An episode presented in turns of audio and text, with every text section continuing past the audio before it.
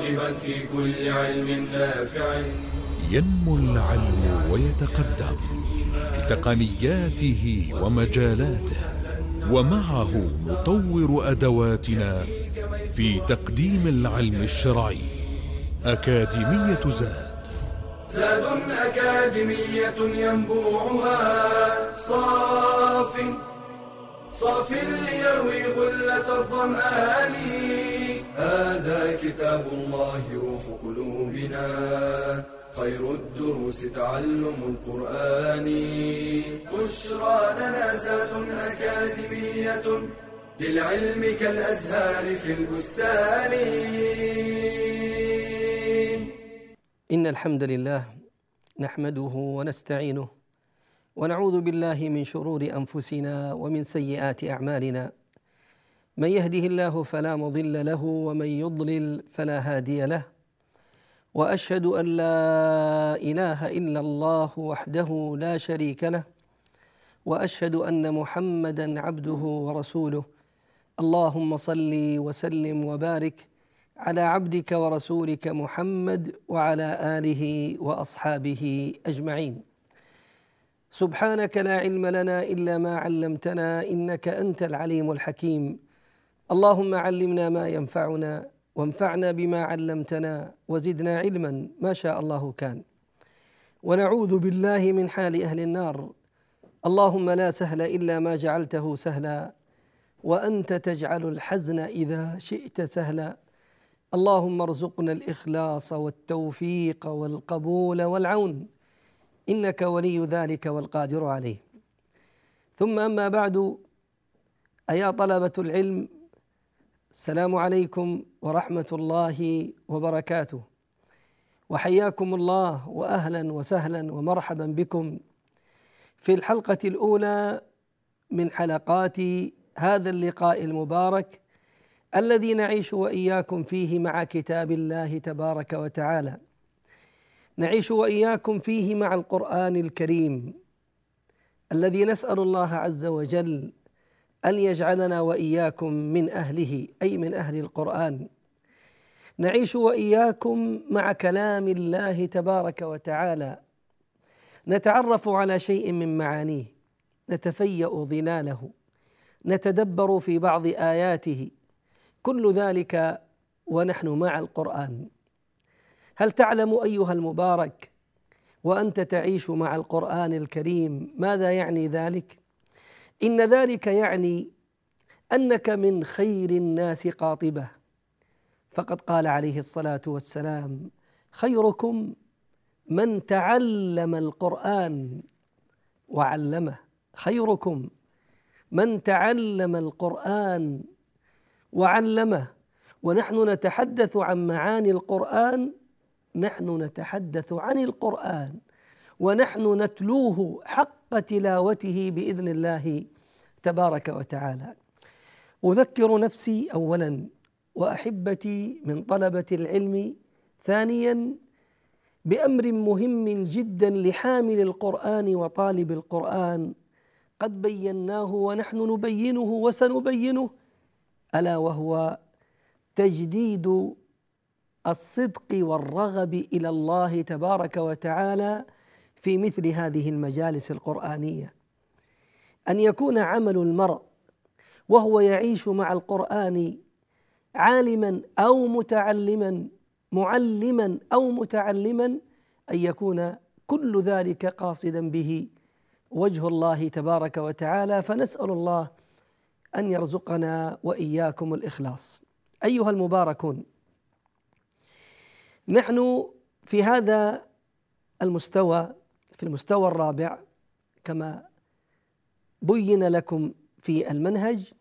سنعيش وإياكم من سورة الشرح في الجزء الثلاثين إلى متمة هذا الكتاب المبارك العظيم كتاب الله عز وجل.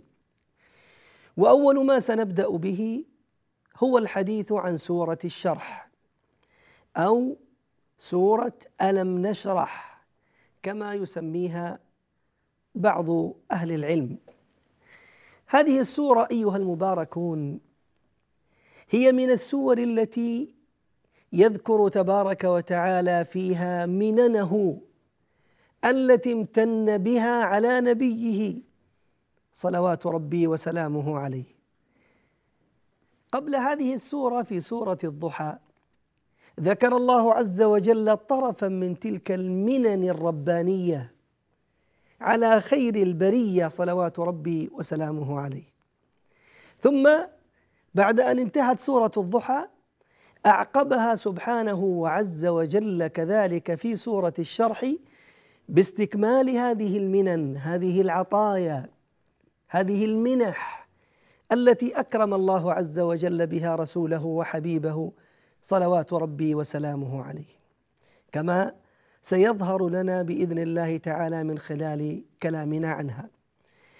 سورة الشرح أيها المباركون من السور المكية ومعنى ذلك أنها نزلت نعم قبل الهجرة النبوية كما سبق أن بينا قبل الآن. عدد آياتها ثمان آيات. آيات هذه السورة المباركة ثمان آيات. وأما عدد كلماتها فسبع وعشرون كلمة. وأما أحرفها فمئة وثلاث كلمات. مئة وثلاث كلمات. وقد سبق أن بينا قبل الآن أننا نعتمد في عد الكلمات والأحرف على عد الإمام. نعم الإمام الثعلبي رحمه الله في تفسيره. ابتدأ الله تبارك وتعالى هذه السورة بقوله تعالى ألم نشرح لك صدرك؟ من المخاطب؟ إنه رسول الله صلى الله عليه وسلم. الله تبارك وتعالى يخاطب نبيه عليه الصلاة والسلام. كما قلنا بذكر مننه عليه. أول منة يمتن الله بها على نبيه صلى الله عليه وسلم هي منة انشراح الصدر. هي منة انشراح الصدر. ويذكر الله تبارك وتعالى هذه المنة بأسلوب الاستفهام التقريري. بأسلوب الاستفهام التقريري فيقرر الله عز وجل يقرر الله تبارك وتعالى شرحه عز وجل لصدر نبيه صلوات ربي وسلامه عليه. ألم نشرح لك صدرك؟ هذا الاستفهام التقريري يقرر حقيقة الشرح. ما المراد بنشرح؟ نشرح المراد بها أو المراد بالشرح هنا التوسعة. والفسحة.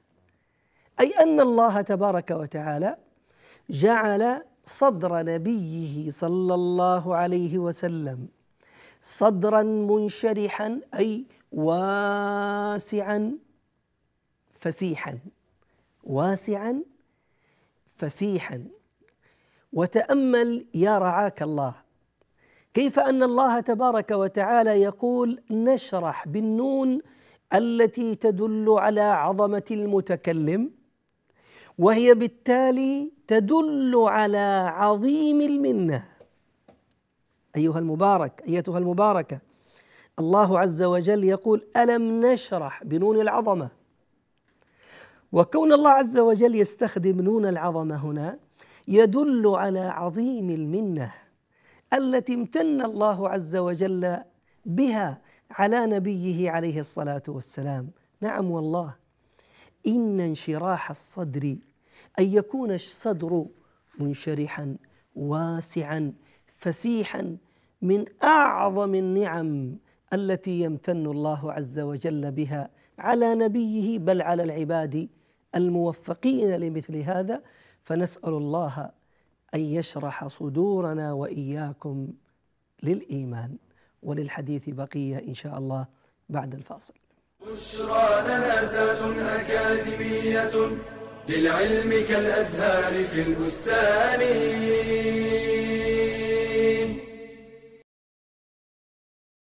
للإيمان أركان يقوم عليها ولا يصح إلا بها ومنها الإيمان بالقدر وهو تقدير الله تعالى لكل ما يقع في الكون حسب ما سبق به علمه واقتضته حكمته وللإيمان بالقدر مراتب. منها الإيمان بعلم الله الأزلي وأنه أحاط بكل شيء علما وأنه علم ما كان وما يكون وما سيكون جملة وتفصيلا. قال تعالى إن الله بكل شيء عليم. فلا يتجدد له علم بعد جهل ولا يلحقه نسيان بعد علم. ومن الإيمان بالقدر الإيمان بالكتابة.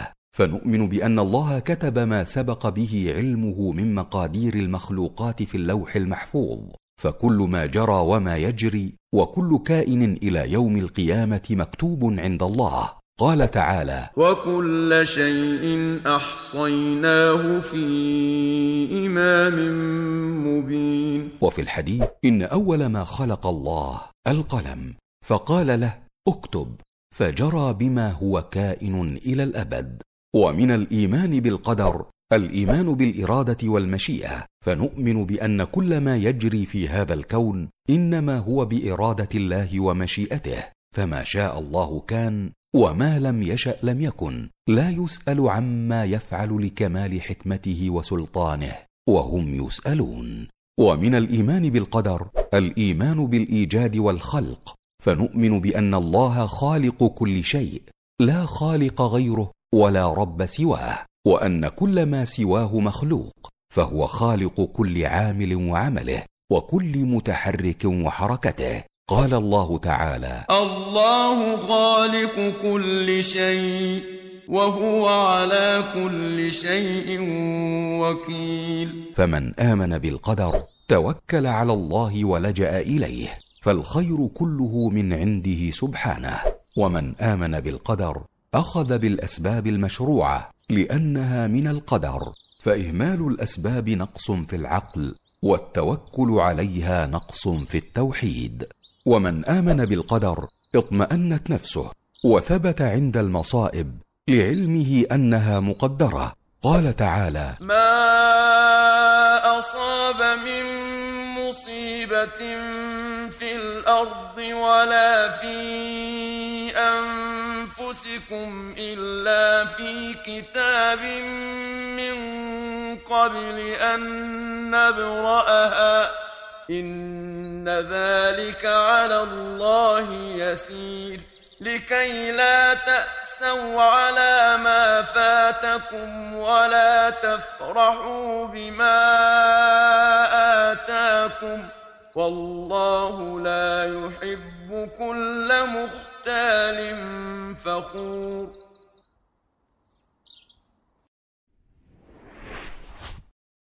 بشرى لنا زاد أكاديمية للعلم كالأزهار في البستان. حياكم الله أيها الأحبة أهلا وسهلا. عدنا إليكم بعد هذا الفاصل.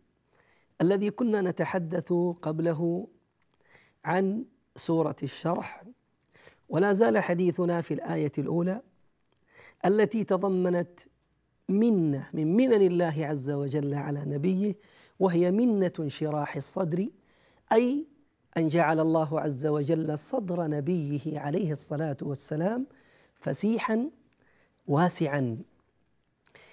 وذكرنا أن الله عز وجل ابتدأ هذه النعمة بنون العظمة ليدل على عظيم هذه المنة على عظيم هذه المنة. ألم نشرح لك صدرك؟ ثم تأمل يقول الله عز وجل صدرك. ولم يقل تبارك وتعالى قلبك. فرق بين الاثنين؟ نعم. هناك فرق بين الصدر وبين القلب. القلب القلب هذه المضغة التي إذا صلحت صلح الجسد هي مكان العقل والمعرفة على الصحيح. والصدر هو ذلك الحصن الأكبر من القلب. يعني كأن القلب في المنتصف كأنها بذرة داخل ثمرة.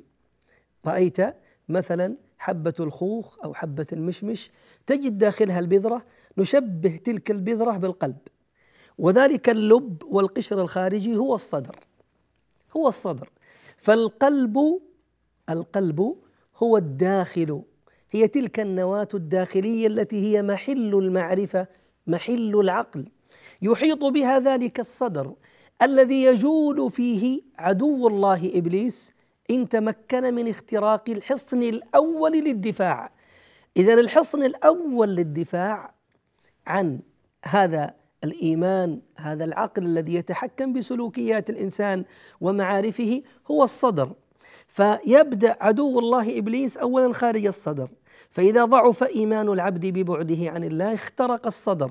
ثم أخذ يجول ويصول في تلك المنطقة قبل وصوله إلى القلب. ولهذا الله عز وجل تحدث عن وسوسته ليست في القلب وإنما في الصدر. فقال تعالى الذي يوسوس في صدور الناس فإذا تمكن من الوصول للصدر الذي هو المكان الأوسع استطاع أن يلقي تلك الوسوسة إلى هذا الإنسان. وأما إذا كان هذا الحصن قد ضعف دفاعه فإن عدو الله إبليس يستطيع بعد ذلك أن يصل إلى القلب. فإذا وصل إلى القلب وبدأت تلك النكات السود فإن الران يتراكم على قلب العبد حتى يسود فيصبح نعوذ بالله أسود مربادا كالكوز مجخيا لا يعرف معروفا ولا ينكر منكرا إلا ما أشرب من هواه. أسأل الله عز وجل لي ولكم الحماية. ولهذا الله عز وجل يقول لنبيه ألم نشرح لك صدرك؟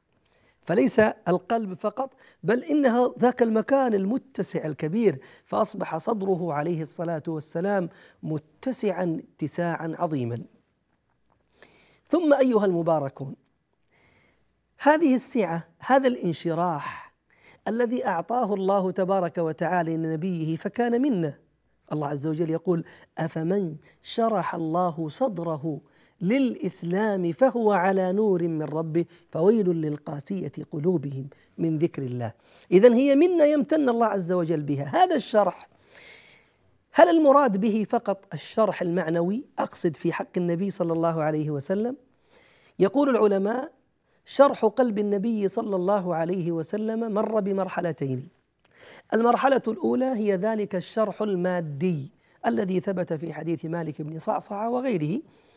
لما جاء جبريل ومعه ملك آخر للنبي صلى الله عليه وسلم فشق صدره. والرسول عليه الصلاة والسلام يسمع كلامهما ويراهما بعينيه صلى الله عليه وسلم. لما كان في سن السابعة أو العاشره على اختلاف الروايات اضجعاه وشق صدره صلى الله عليه وسلم ثم شق قلبه عليه الصلاة والسلام فاستخرج من القلب تلك العلقة السوداء التي تحوي الغل والحسد ثم غسل قلبه عليه الصلاة والسلام في طست من ذهب بماء المزن ثم أعيد وحشي قلبه عليه الصلاة والسلام بعلقة أخرى كالفضة.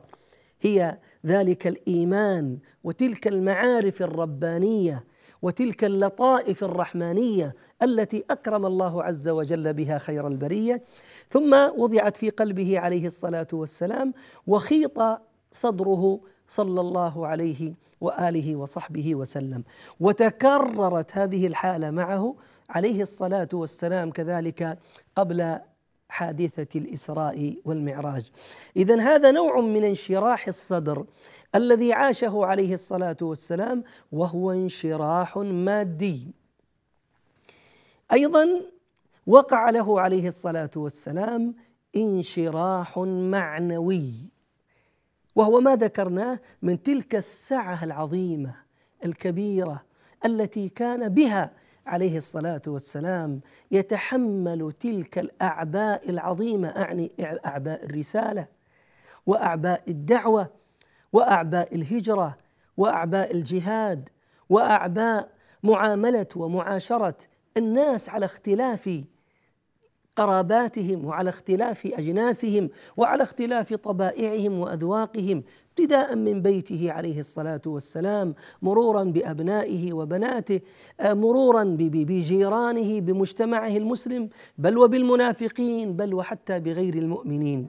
تلك السعة التي كان يحملها عليه الصلاة والسلام تلك الرحمة التي كان يتمتع بها عليه الصلاة والسلام فلم يثبت عنه عليه الصلاة والسلام أنه ضرب بيده امرأة ولا طفلا ولا خادما ولا مسلما إلا أن يكون مجاهدا في سبيل الله تبارك وتعالى.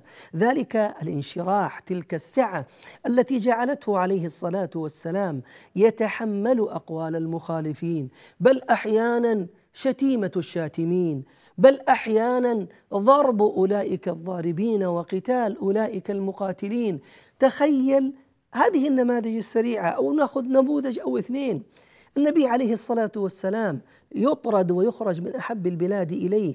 من قوم كانوا يريدون قتله صلى الله عليه وسلم حاربوه وهو في المدينة بعد أن خرج من مكة عبر بدر وأحد والخندق وإعانة غيرهم من المشركين والأعداء عليه صلى الله عليه وسلم.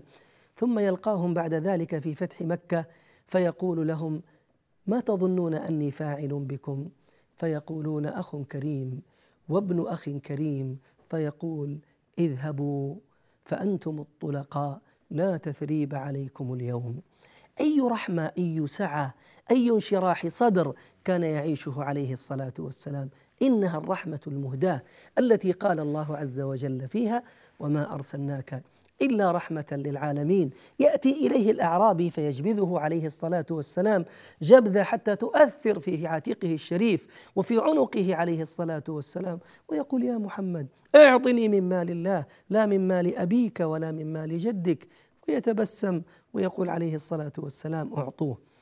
وغيرها من النماذج العظيمة التي تدل على تلك السعة وتلك الفسحة وذلك الانشراح لصدره عليه الصلاة والسلام التي حباه الله عز وجل إياها وأكرمه بها. صلوات ربي وسلامه عليه. اذا حق لربنا عز وجل أن يمتن على نبيه بهذه النعمة العظيمة ألم نشرح لك صدرك؟ اللهم اشرح لنا صدورنا. ثم قال تبارك وتعالى ووضعنا عنك وزرك. ووضعنا عنك وزرك. الوضع هو الحط. حط الله عز وجل عن نبيه صلى الله عليه وسلم ذلك الوزر. ولم يكن عليك بل عداها بعن. لأنها هنا تدل لما عديت بعن عن معنى الوضع. وإلا لو عديت بعلى ووضعنا عليك مثلا وزرك لكانت بمعنى الثقل لكنها جاءت هنا بعن لتدل على معنى الوضع والإسقاط. فأسقط الله عز وجل عن نبيه ماذا؟ قال ووضعنا عنك وزرك. ما المراد بالوزر؟ هذا ما سنعرفه إن شاء الله بعد الفاصل. والحمد لله رب العالمين. بشرى لنا زاد أكاديمية للعلم كالأزهار في البستان.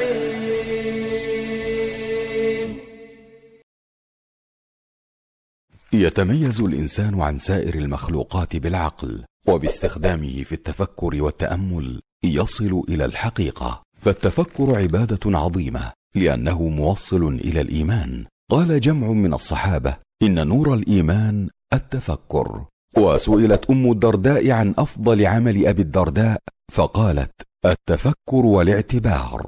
فيتفكر المؤمن في بديع صنع الله تعالى في الكون ليزداد عنده اليقين بعظيم قدرة الله سبحانه ووحدانيته. قال شيخ الإسلام ابن تيمية النظر إلى المخلوقات العلوية والسفلية على وجه التفكر والاعتبار مأمور به مندوب إليه. وحين يتفكر فيما يعبد من دون الله يتبين له ضعفه وعجزه فيتبرأ من الشرك صغيره وكبيره. قال تعالى يا أيها الناس ضرب مثل فاستمعوا له.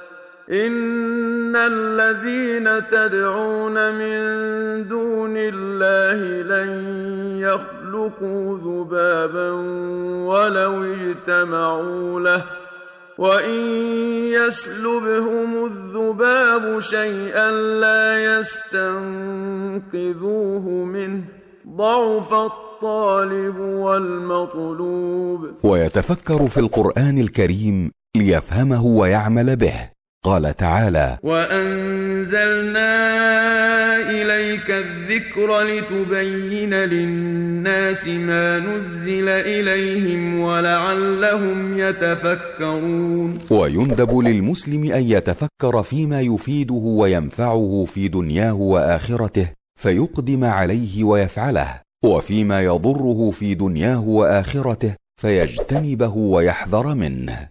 وفي الحديث احرص على ما ينفعك واستعن بالله ولا تعجز.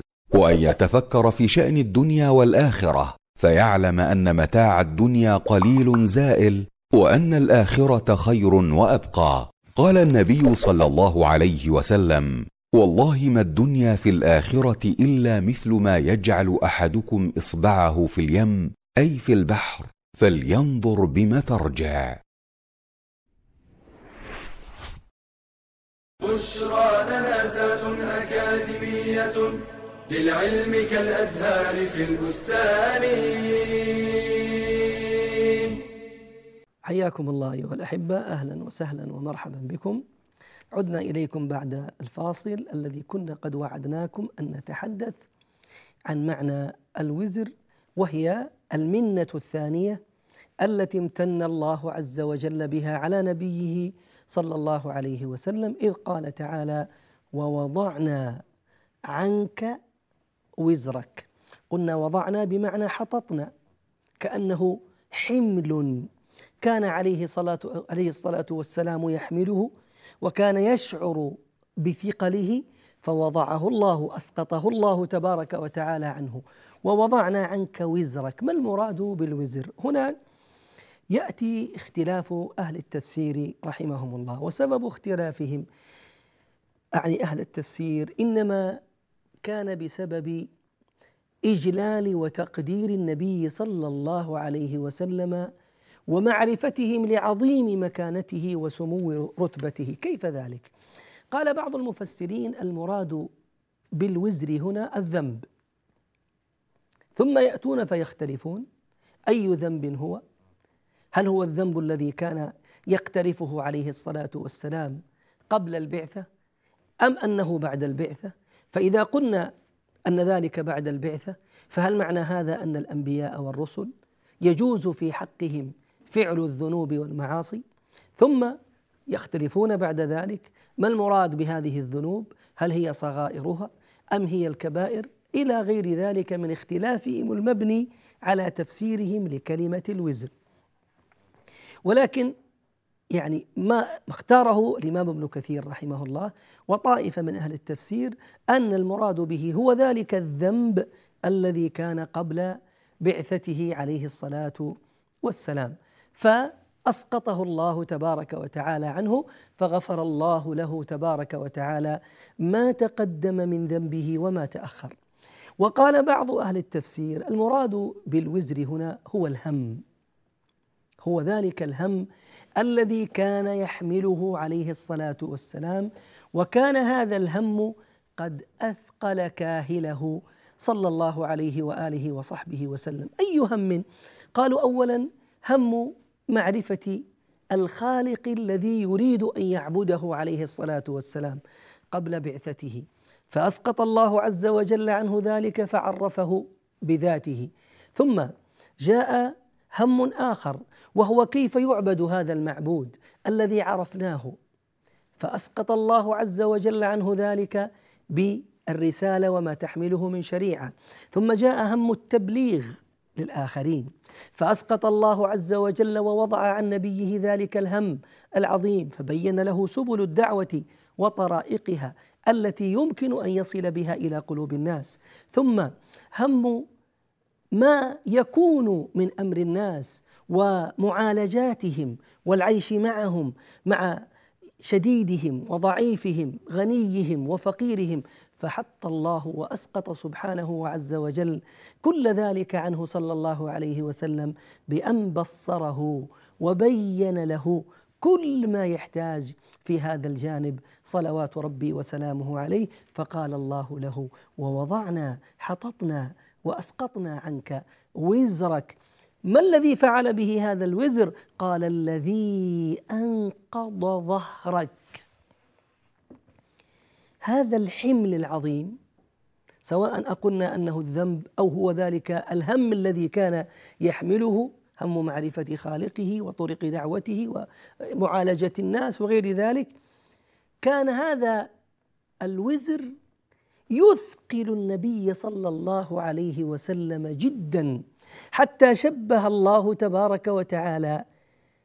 شبه الله تبارك وتعالى. هذا الحمل وما نتج عنه من ثقل عظيم بصوت الأطيط صوت النقيض.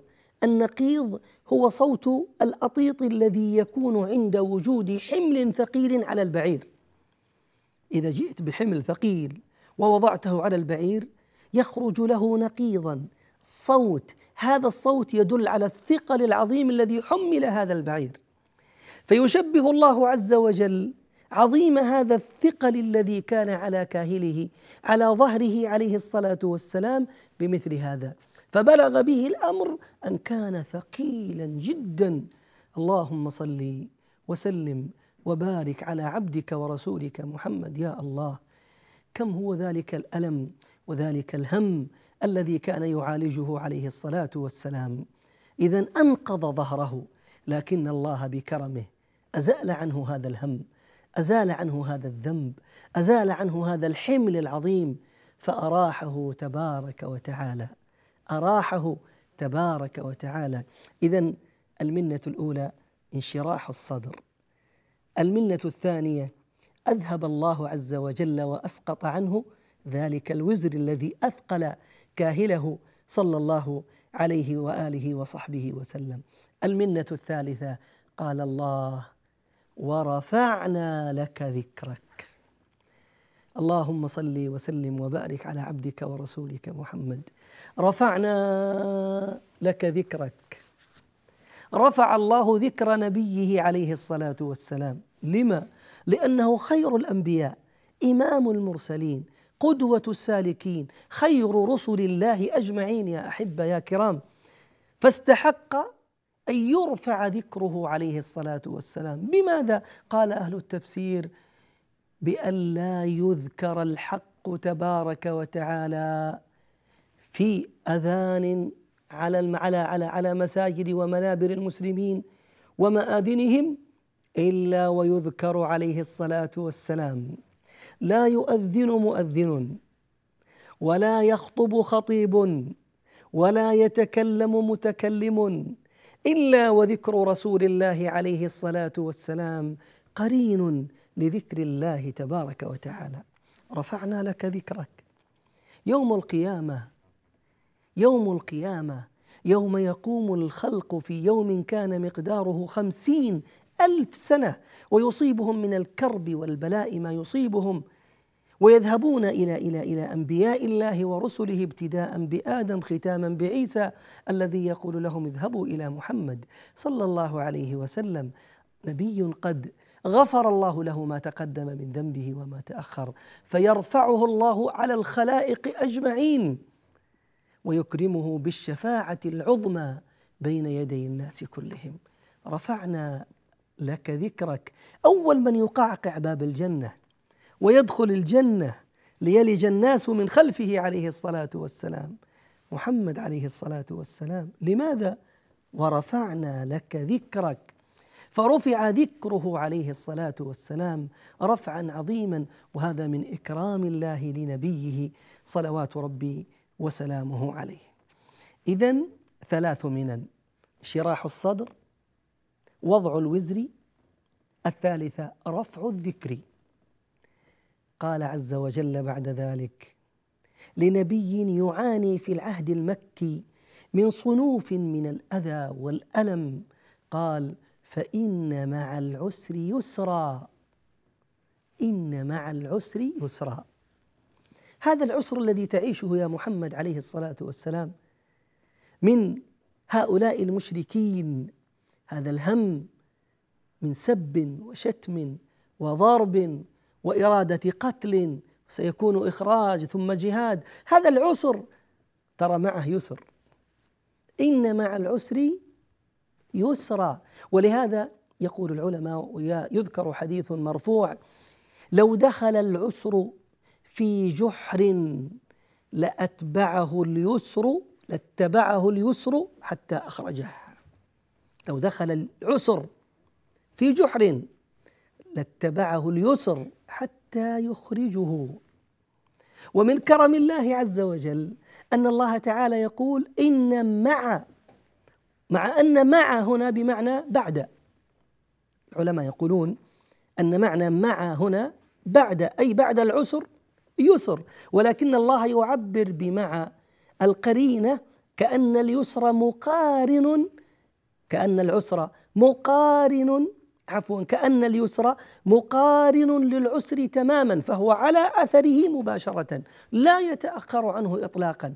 وهذه هذا من كرم الله عز وجل. هذا من كرم الله تبارك وتعالى. وتأمل يأتي الله عز وجل بالعسر معرفا.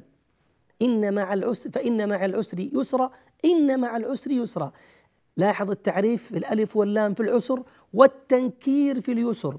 وإذا عرف إذا عرف العسر كما عرف هنا فإنه في الحالين واحد في الآيتين المكررتين واحد. ونكر اليسر فتعدد. ولهذا يقول النبي صلى الله عليه وسلم لا يكون يعني لا يمكن أن يتأخر ما كان من عسر ومعه يسرين بإذن الله تبارك وتعالى. قال الله عز وجل فإن مع العسر يسرا إن مع العسر يسرا. فإذا فرغت من عمل من الأعمال سواء كانت دينية أو دنيوية فانصب والنصب هو التعب. ينصب في ماذا؟ ينصب في عبادة ربه تبارك وتعالى. فإذا تركت أمر الدنيا عمل الدنيا أو ربما عمل من الفرائض فانصب واتعب في عمل آخر يقربك إلى الله تبارك وتعالى وإلى ربك. فارغب أي في كل أعمالك صلاتك صيامك حجك دعائك دعوتك ترغب بذلك كله وجه الله تبارك وتعالى. لا إلى سواه. وفقنا الله وإياكم لكل خير. وأخذ بأيدينا وإياكم لطاعته. آمين. والحمد لله رب العالمين.